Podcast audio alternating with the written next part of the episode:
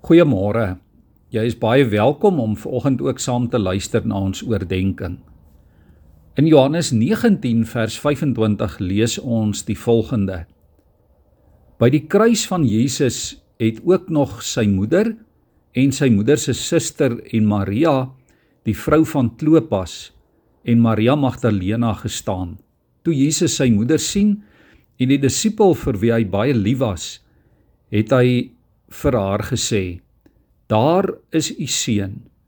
Daarna sê hy vir die disipel: "Daar is jou moeder." Van daardie oomblik af het die disipel haar in sy huis geneem. Dit was Helen Steiner Rice wat per geleentheid geskryf het: A mother's love is patient and forgiving when all others are forsaking It never fails or falters, even though the heart is breaking. Liewe vriende, elkeen van ons het al iewers in die lewe afskeid geneem. 'n Klein kindjie wat die eerste keer dagsorg of kleuterskool toe gaan. 'n Man of 'n vrou wat op 'n besigheidsreis gaan. Of as jy by iemand gaan kuier het. Totsiens sê is deel van ons lewe hier op aarde. Dis nie altyd lekker nie om dit te doen nie.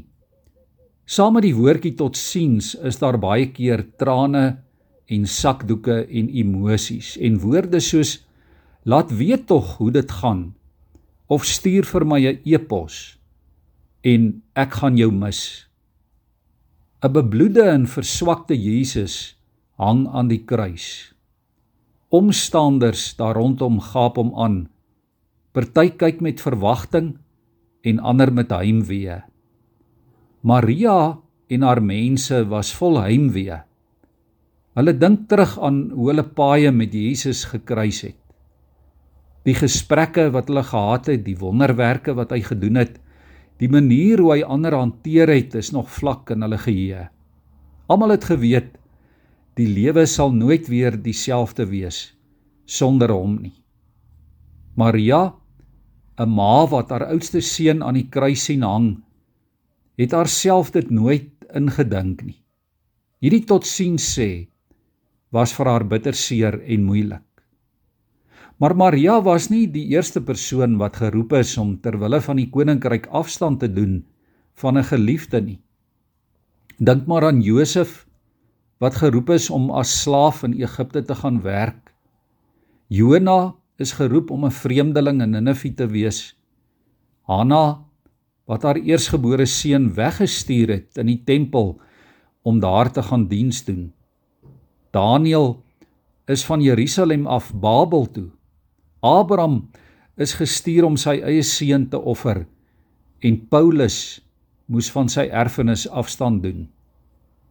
Ja die Bybel is vol vaarweltrane En hierdie een aan die voet van die kruis was seker die heel moeilikste.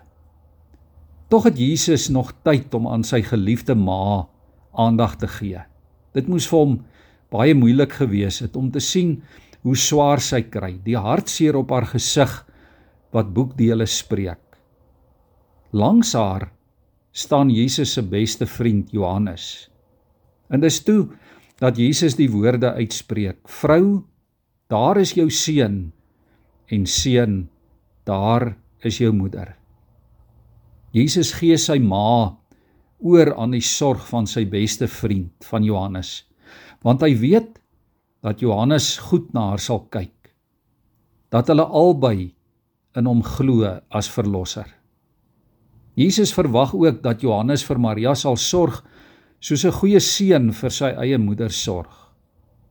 Tradisie vertel dat Jesus se ma hierna nog vir 12 jaar by Johannes gebly het. Dit was eers na Maria se dood dat Johannes op sy sendingreise vertrek het.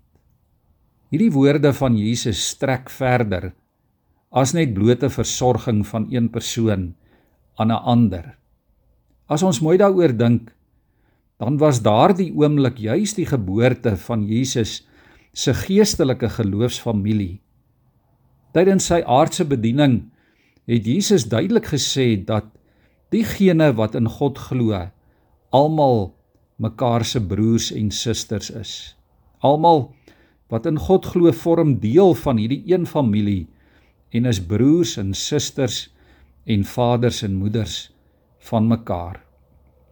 Ja, liewe vriende, soos ons, jy en ek tot vandag toe verbind aan mekaar deur hierdie woorde aan die voet van die kruis. En so word ons as gelowiges geroep en gestuur om na mekaar om te sien, om saam te funksioneer as die liggaam van Jesus hier op aarde. Ons is geestelik as familie aan mekaar verbind. Kerk wees is om 'n gemeenskap van gelowiges hier op aarde te wees. En Jesus vra dit van ons dat ons sy liefde teenoor mekaar sal bewys. Kom ons buig ons hoofde voor hom in gebed. Here, dankie vir die voorreg dat U ons ook aan mekaar gee. Here, as geliefde broers en susters, as deel van U huisgesin hier op aarde. As moeders en kinders en vaders en seuns en dogters en ouers. Here gee dat ons verantwoordelikheid vir mekaar sal aanvaar. Gee dat ons mekaar na u voorbeeld sal versorg, Here. Dat ons die liefde wat u teenoor ons bewys het, ook aan mekaar sal betoon. Here gee dat ons genadig sal wees met mekaar. Dat ons mekaar sal vergewe. Dat ons mekaar sal versorg, sal dien Ja Here dat ons mekaar elke dag op U hande sal dra. Ons eer U dat U ons voorganger was en ons voorbeeld in liefde. Leer ons Here om dit vandag aan mekaar te betoon. Amen.